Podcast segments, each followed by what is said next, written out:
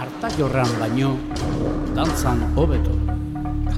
Arta jorran baino, jantzan hobeto.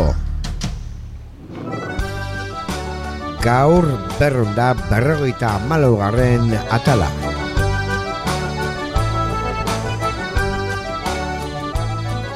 FM kolara goita puntu zeroan gaude, dialean, eta mundu osoan entzungai bilboiria.eus atarian.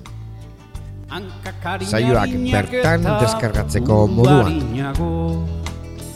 Dantzan hobeto daki harta jorran baino.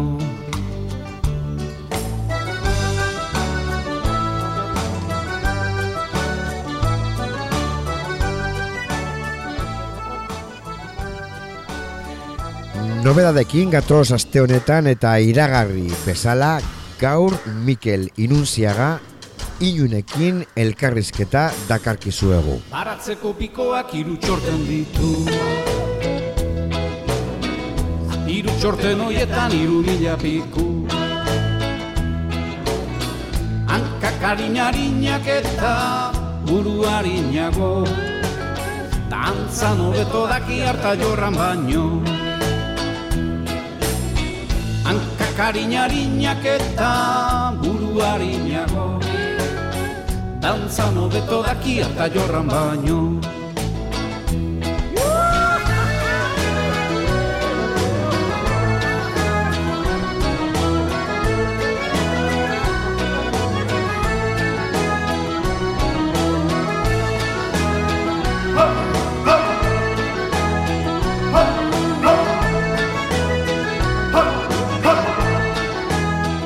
Arta jorren baino, jantzan, hobeto, euskal musikaren lubakia, pim pam pum, bilbo iria irratia.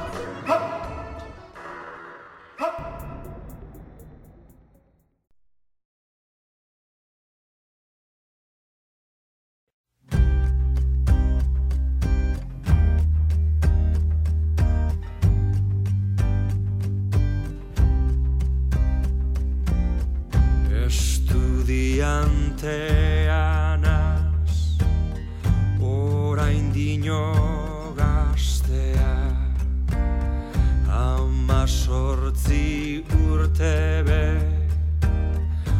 Estudiante kondenatua entzuten gabiltza Mikel Inunziaga inun sornotzarraren bigarren lanetik. Da nola. Irratira ekarri dugu Mikel bere lan berri honetaz hitz egiteko. Laster. Estudiante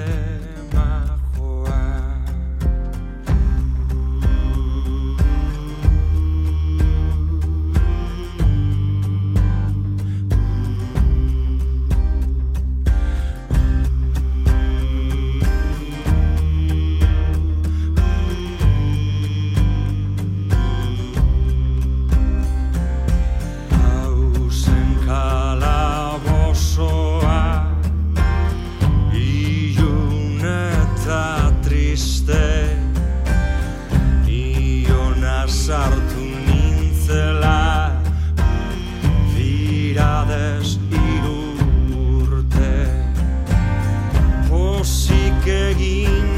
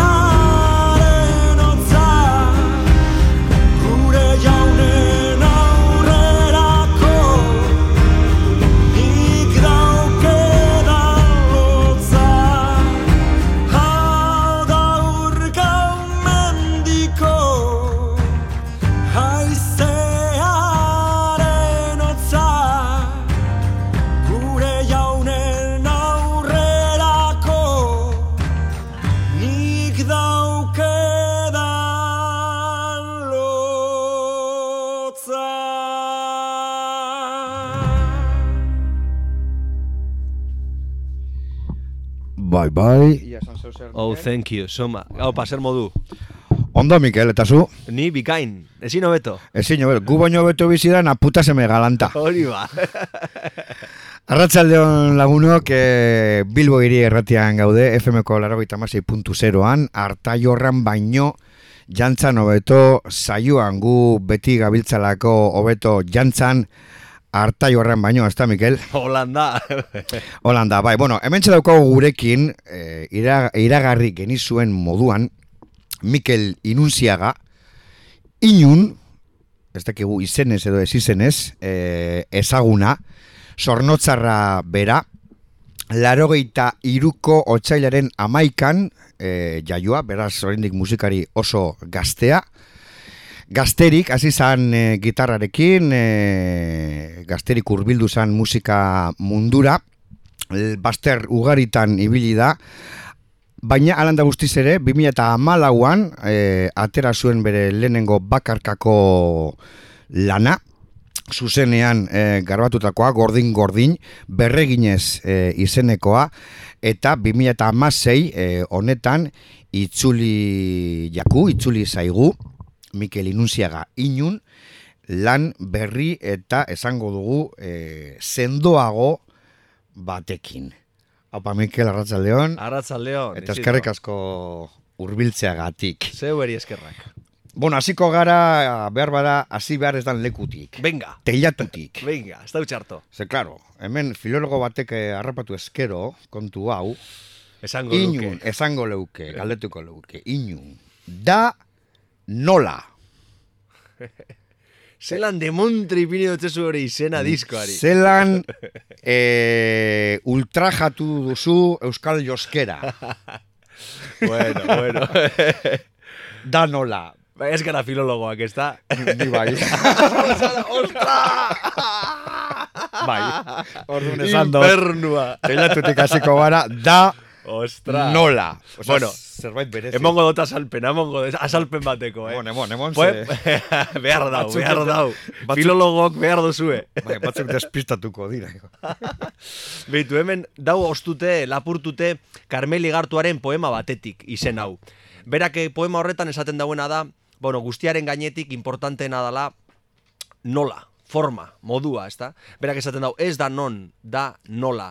Bai, agian ez dago moduri korrektoenean esana, baina poeman horrela esaten da eta oso ondo ulertzen da. Azkenean berak emoten dutze moduari eh, importantzia. Eta nik be, ba, bueno, hori azpimarratu nahi izan dut disko honetan. Nik be, moduari, egiteko moduari emondortzet batez besteko importantzie disko honetan. E, lehenengo diskotik, berreginez artetik, oso disko soila esango genuke ez, biluzia, e, gordina, gitarra soil bat Bai. grabatutakoa, lehenengo lana, horrek e, daukan, e, bueno, e, horrek suposatzen duen guztiarik, Bai. ez? Zer berri dakarzu e, lan honetan?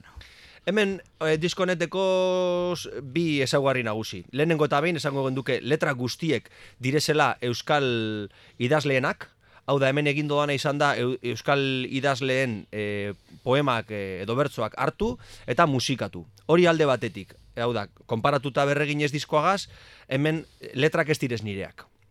Eta gero, ba, beste instrumentalki, beste aspektu importante bat, berreginez diskoa erabat bilusik egoan, gitarra, ahotsa eta, bueno, ba, pedal ezberdinak erabiltzen nebasan, eta ja kasu honetan hemen ja beratzagoa da instrumentazio aldetik. Ja aurkitzen dugu banda formato bat, bateria, bajoa, gitarrak, e, koroak, eta bueno, ja beste, beste dimensio bat hartzen da soinuak.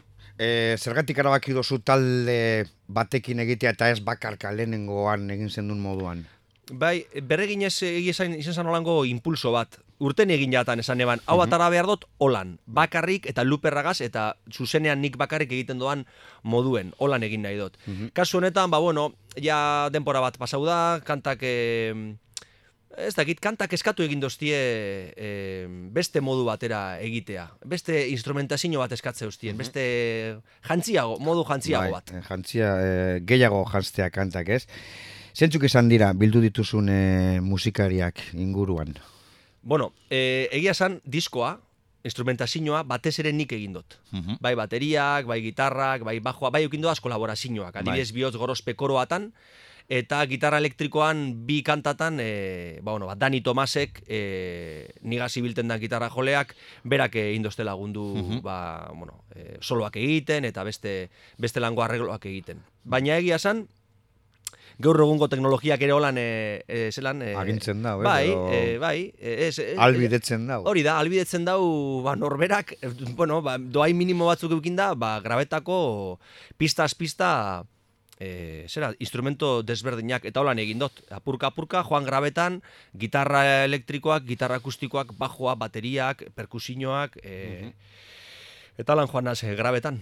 Eta zelan egin duzu lan eureka? Zeuk bideratu dozuz musikariak Bai. edo e, itxiotzazu tarte libreren bat? Ala zuzendu egin dozuz, zeuk? Bai, hombre, nik zuzendu egin dut apurbet asuntoa, baina egie da musikariak kasu honetan oso onak direz, oso musikari profesionalak direz, kasu honetan badani Tomas, bihotz gorospe, ja, ja, bagaje bategaz, e, e, zera... E, Bai, tabladunak, ez? Tabladunak, eta, bueno, eta gero, aparte, ja, e, mane, instrumentuaren manejoa ba oso ona daukatenak. Bai. E, e, ekain alzola, oso gaztea, baina oso instrumentista ona, argi beleuba baterian, behai oso trebea.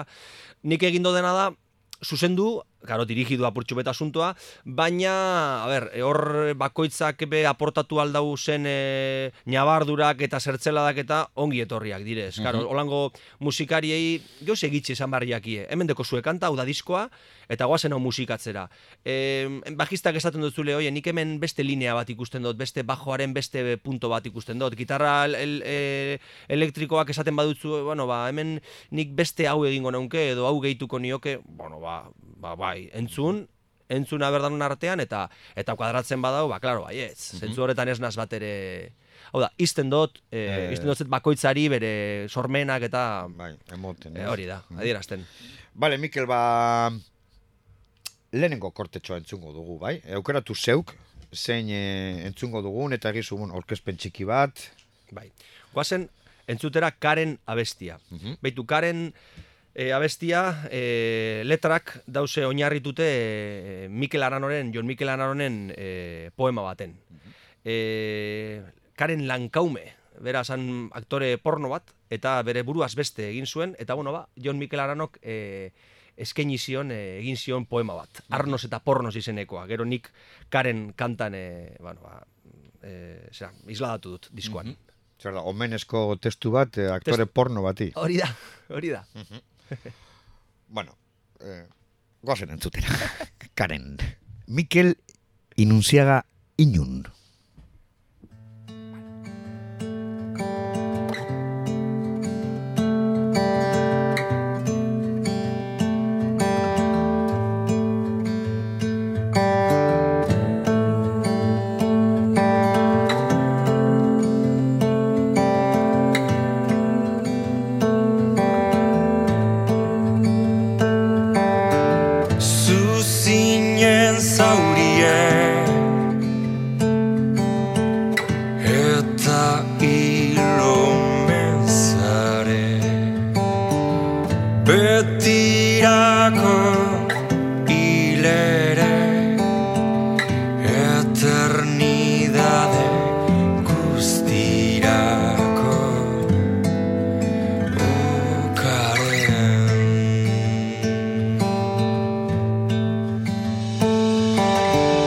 come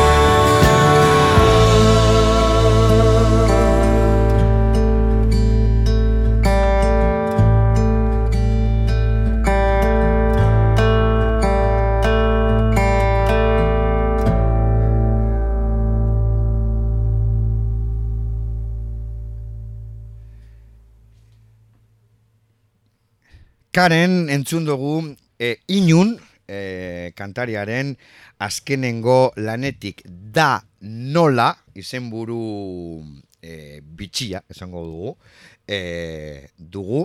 Autoprodukzioa da e, Mikelek eskaini dugun bigarren e, lan hau. Orengo honetan ez da bakarkakoa e, talde batek lagunduta e, etorri da. Aipatu ditugu musikariak Mikel eta goazen estudiora edo etxera, ez dakit non grabatu duzue? Bai, nire baserrian. Baserrian... Nire, nire aitita eta mamen baserrian. Baserrian, Bai. non? Galdakaon, Altamira auzoan. Altamira auzoan. Eta zein izan da prozesua, nola grabatu duzue? Zuzenean danok, Ez, ez, ez, batez be, esan bezala, e, grabaketa egin dut nik, eta apurka, apurka. Urtarrilean hasi nintzen grabaketak egiten, eta amaitu dut, ba, bueno, e, oin urrian gauz, e, batetik bestetik, u- ustailean edo amaituko neban grabaketa. Karo, pistaz pista, abesti guztiak, e, ba, bueno, e, hor bakarrik, nire kasuan ez da bakarrik e, ahotsa eta gitarra akustikoa, baizik eta grabatu dudaz, instrumentazio, ia instrumentazio guztia diskoana nik grabatu dut. Esan bezala, ekin dudaz kolaborazioak, ba, Bihotz Gorosperenak eta Dani Tomasenak, baina ia bere osotasunean nire gain hartu dute diskoaren eh, grabaketa. Eta grabazioa, ahora, musikariek euren, etz, euren etxetik bidali dotzue grabazioa, ala bertan egin duzue danok. Ez, esan bezala nik egin dut. Bat, bateriak be nik grabatu Ah, zeuk parkatu, bai. Hori da, eta bajuak be nik grabatu dudaz, eta esan bezala ia, ia praktikamente dana nik grabatu Zeuk dut. egin duzu. Bai. Zuzenerako erabiliko duzuz gehiago Hori da, musikari. claro, ja, musikari. ja zuzenean imaginatu, Ezin duzulako. zintzia ez bada gehiagia avanzatzen eta ni bezalako beste lau, ez, baina oso gustora gainera. Gainera, oso ondo dau, nik diskoan nik erabaki dut, nik dana nik egitean niretzako be oso erosoa dalako. Bai. Baina, hombre, zuzenean eta zoragarria da beste persona batzuk eukite alboan, Bai. beste ideia batzuk, eh, beti eskertzen da, eta gainera persona zoragarriek direz. Orduen, karo, zuzenekoetan bai, eh, talde, talde formatuan noa. Bai. E, beti joango zara talde formatuan, ala egingo duzuz bakarkako Bai, gitarrarekin bakarrik bai, egindako bai, bai. boloak baita. Kamaleoniko naz. Kamaleoniko Zentzu horretan berreginez diskoan e, erakutsi neban, ba, bueno, luperragaz, gitarra, gitarragaz, ba, zuzenekoak, zuzenekoak emondo daz pilo bat disko horregaz, eta disko nega zer egingo dut? Bueno, ba, segiduko dut, e, bakarrik joten, edo, bi, edo e, zera... E, Beste bil lagunekin. Adibidez, edo, bai. formatuatan, Bai. eta talde formatuan. Karo, lekuak eh, eskatzen duenean, leku aproposa danean taldean joteko, ba, taldean joto, joko dugu, ba, klaro. Lekuak eta ekonomiak eh, Hori laguntzen duenean, ez? Hori da, Gaur claro. egun, Ba, gian formato txikiak nagusitzen dira, ez? Hori Ban- da. banden eh, gainetik. Lehen, aitzatu duzuz eh, eh, testuei eh, buruz gabiltzala, eh, erabaki dozu beste autore batzuen testuak eh, ba, musikatzea. Zeurerik badago? Zeure testurik? Ez. Diskoretan ez dago nire, tes, Ez. nire testurik. Dana direz, Euskal idazleek egindako testuetatik abiatu da diskoa, bai. Bai, eta zergatik hartu duzu erabaki hori? Eh, Bueno, hau disko hau izan da irla bat, ze Mm.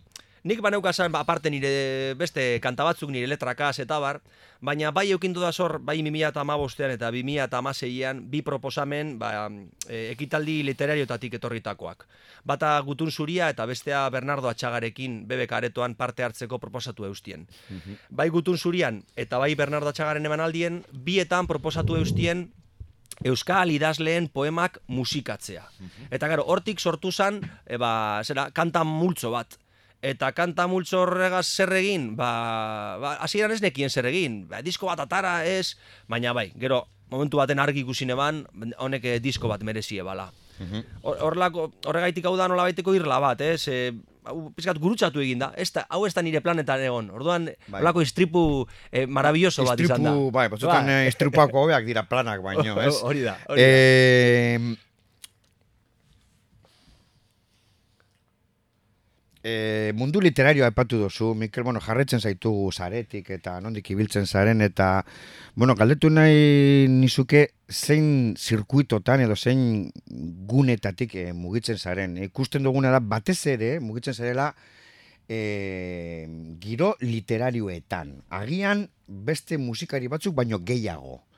Eta esango nuke gainera askotan eh, ez soilik guneli edo eh, giro eh, literario euskaldunetan espada ze erdaldunetan baita. Eta Bai. hori nik esango nuke kantari euskaldun gutxi dago, giro erdaldun, giro literario erdaldunetan eh, dabilena. Bai, eta euskeraz gainera, eh? Eta euskeraz, horregatik eh, galdetu nahi notzun hori Ba, bitu, niru egituten dostie. Orduen, kontaktuak hori da. Bueno, ez daki, kontaktuek, hombre, nik bad- badaroa daz ja pare bat hiru urte ja harremanetan Noches Poetikaz elkartega, elkarteagaz, Bilboko elkartea da, eta oso harreman ona daukat. Egia da, e, e, zera, e, Noches Poetikaz berez erdal, erdal mundutik dator, ezta? E, Naiz eta Bilbokoa izan, e, bai, poesia eta literatura normalean, hala ere bai irritatzen dira batzuetan euskaraz eta bar, baina bai, ia berezotasunean erderaz da. Bueno, ba hor harreman polita sortu zan bere garaian, Almerian be ibilita gauz, eta leku holan, leku diferentetan ibilita, ibilita gauz, eta askotan gehitu doztie. Oie, Mikel, etorriko zintik ez gugaz e, jotzera, eta bueno, e, ambientea, e, bueno, ba, nahiko erosoa da, nahiko ambientea eh? agradablea da, e, jotzeko komodoa da, e, eta askotan, ba, bueno, esaten didatenean, behintzat eta eskatzen didatenean, e, ba, urbiltzen naiz, notxez poetikaseko horlako ekitaldietara, eta eta jotzen dut, bai. Bai. Bitxia da, ze, bueno, aipatzen zeure kasua, musika euskalduna zara, barria, eh? eta esango nuke ez daudela asko, eh, molako mundu, erdal mundu literarioekin harremana dutenak. eh? Bai, kuriosoa da. Musika, bai, horregatik eh, galdetu nahi nizun. Baina eh, esaten dizut, ez da hainbeste igual nik bilatutako zerbait, baizik eta horlako, zuk esan bezala, bueno, gertatutako, Holan, bai, holan gertatu da gauza bat. Bai, azkenean kontaktuak edo harremanak dira, eta, bueno, Hori euki da. dela ez euki, ba, bueno, asko baldintzatzen du, ez? Bueno, ba, Mikel, eh, beste kantatxo bat, aukeratuko dugu, eh, Beitu, gazen eh, hartzera, eh, John Miranderen Oianone, eh, Mhm, Oianone. poematik ataratako Oianone kanta. Mhm. Aukeratu dituzun au, eh, autoreak parkatu zer dira, eh, zure gustokoak direnak, zure gustoen arabera aukeratu dozuz. Neure gustoaren arabera aukeratu dudaz poemak, bai, Mhm. bai, bai. Mhm. Eske, eske espadoaz gustoko ezin dodaz musikatu. Hori da. Nik eh, sentidu ez dodaz, sentitzen ez dodazen berbak ezin dodaz musikatu. Orduen hor dausen mu- poema guztiek, ba bueno, zeozer niretzako, ba bueno, zeozer esaten doztie behintzat. Bai. Hortxe doa ba, Oianone, John Miranderen eh, testua, inunen gitarra eta ahotsarekin.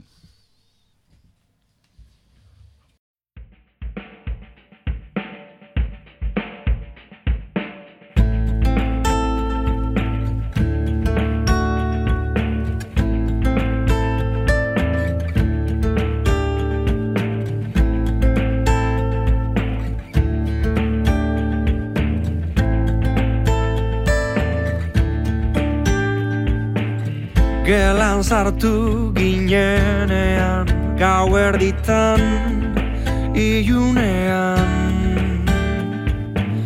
Mundua egin zan mutu Zuten izarrek kantatu Biok Etzan ginenean. Oian honek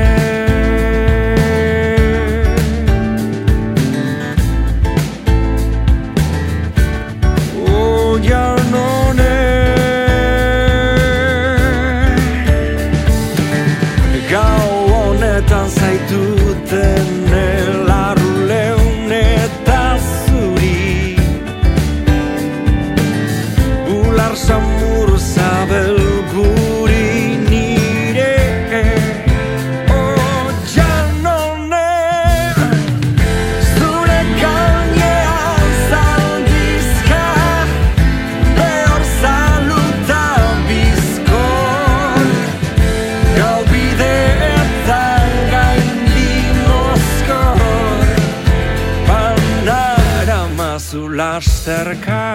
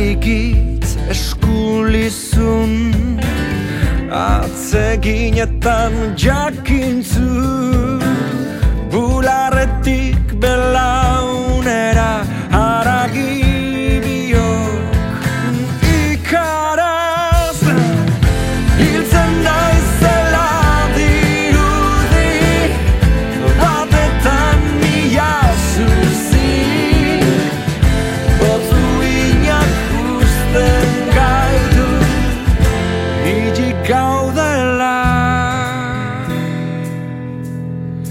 Diru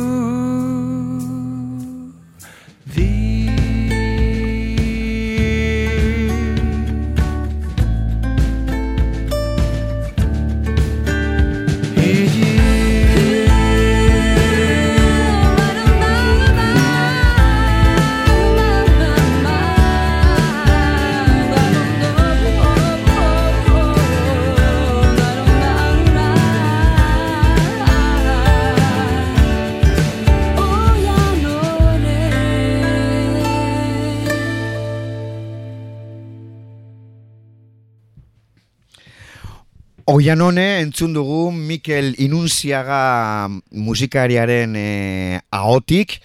Gogoratu hartai horren baino jantzen hobeto saioan gaudela gaur Mikel Inunziagarekin. E, zorrontzarrak da nola izeneko bere bigarren lana kaleratu du. Oraingo honetan, e, ba, bueno, lehenengo diskoan baino eh, esango genuke jantzi e, aberatsago batekin. E, Mikel, e, autoprodukzioaren alde egin duzu gaur egun ba, musikari askok egiten duen moduan. Zergatik aukeratzen duzu bidea hau eta ez sigilu batena? Bai.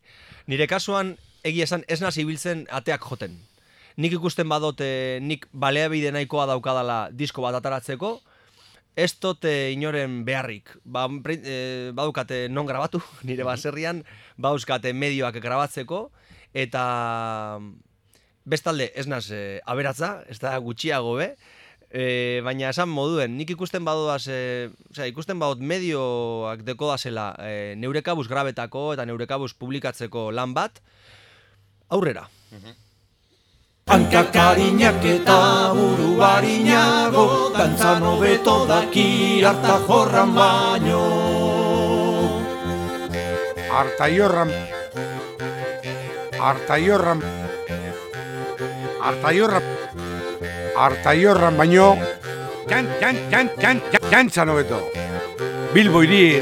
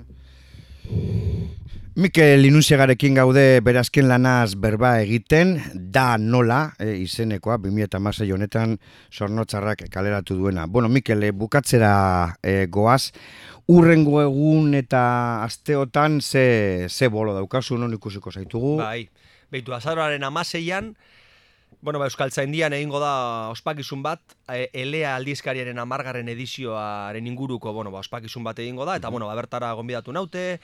Barakaldon egingo da poesia experimental jaialdi bat, bertan ere izango naiz, o, azauraren hogeita bostean. E, hautzenean, ba, diskoa aurten atara dudanez, bueno, ba, hautzenean ere izango gara benduaren iruan, Eta ja urren urtetik aurrera sarratzen ari gara, baina oraindik ezin dugu eser zehaztu, e, ja talde formatoan hasiko gara, bueno, ba, e, boloak ematen. Boloak ematen, Bai. bai. Entzuleak eh, Mikel, bueno, inuni buruz eh, informazioa lortu gureko balau nora jo barko luke, sarean, Bai, inun.eus atarian bertan e, daukat informazioa, bideoak, emanaldiak, bloga. Bai, eta diskoa formatu fisikoan lortzeko kontzertuetan sartuko duzu, badago deskargatzeko aukerarik, nola Bai. zabalduko duzu? Momentuz egiten dudana da, korreos, korreo arruntez, Bai. kontzertuetan, Mhm. eta bai egia da, e, laster baten egongo direzela dendan be egongo da. Mhm. Denda Eh, fisikoetan. Denda fisikoetan Elkar egongo dendetan egongo da. lortzeko moduan. Bueno, ba, Mikel, eh, beste ezer esatekorik espadukazu zerbait astu badugu edo, esateko ez dakit. Ikusten eh, nahiko kompleto geratu dela, izin. Bueno, ez, ikutu dugu apurtxo bat eh, ba, dana, ez? danetarik, danetarik. Ba, bueno, besterik espaduzu eh, esateko, Mikel, bueno, kantatxo bat joko doskuzu, ez da? Bai, Zein da? da nola, Carmeli Gartuaren poema batetik hartutako eh, hitz- eh, eta eta kantua. Vale. Da nola, hau eh, sintaxiaren eh, antologietara sartu beharko genuke. Da nola. Inun.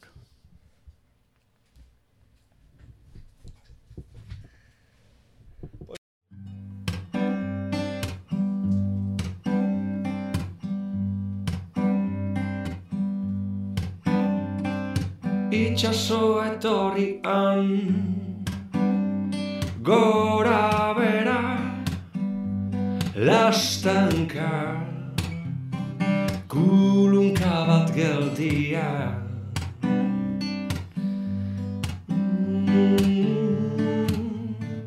Atzoko malekoia Xuxurlaka, xuxurlaka Eten ezin afereka Bigorputz amoretzu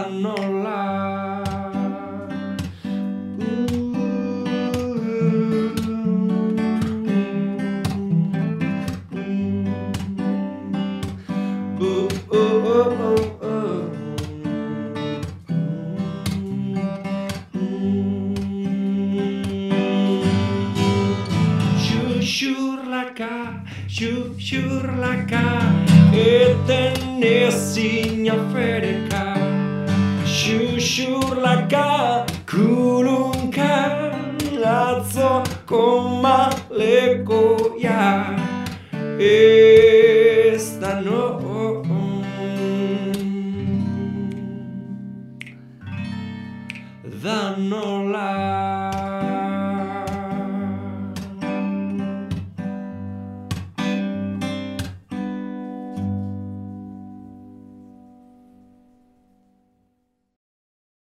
Bueno, onjoko martxea! Gure Mauriziak dinon modun, martxea joku eta pagoaz. Indogu nahikoa eta.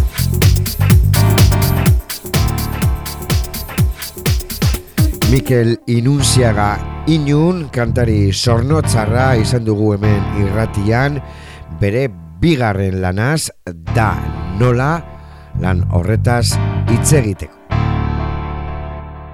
Urrengo astean kantu eta kontu berriekaz etorriko gara. Bitxartean zoriontzu ibili.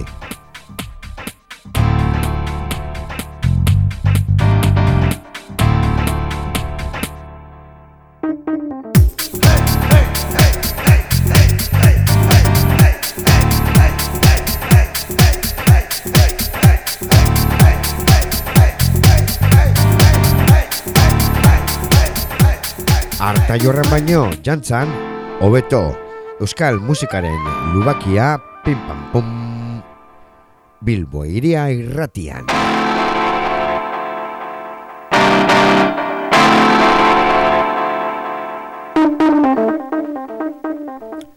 Agur.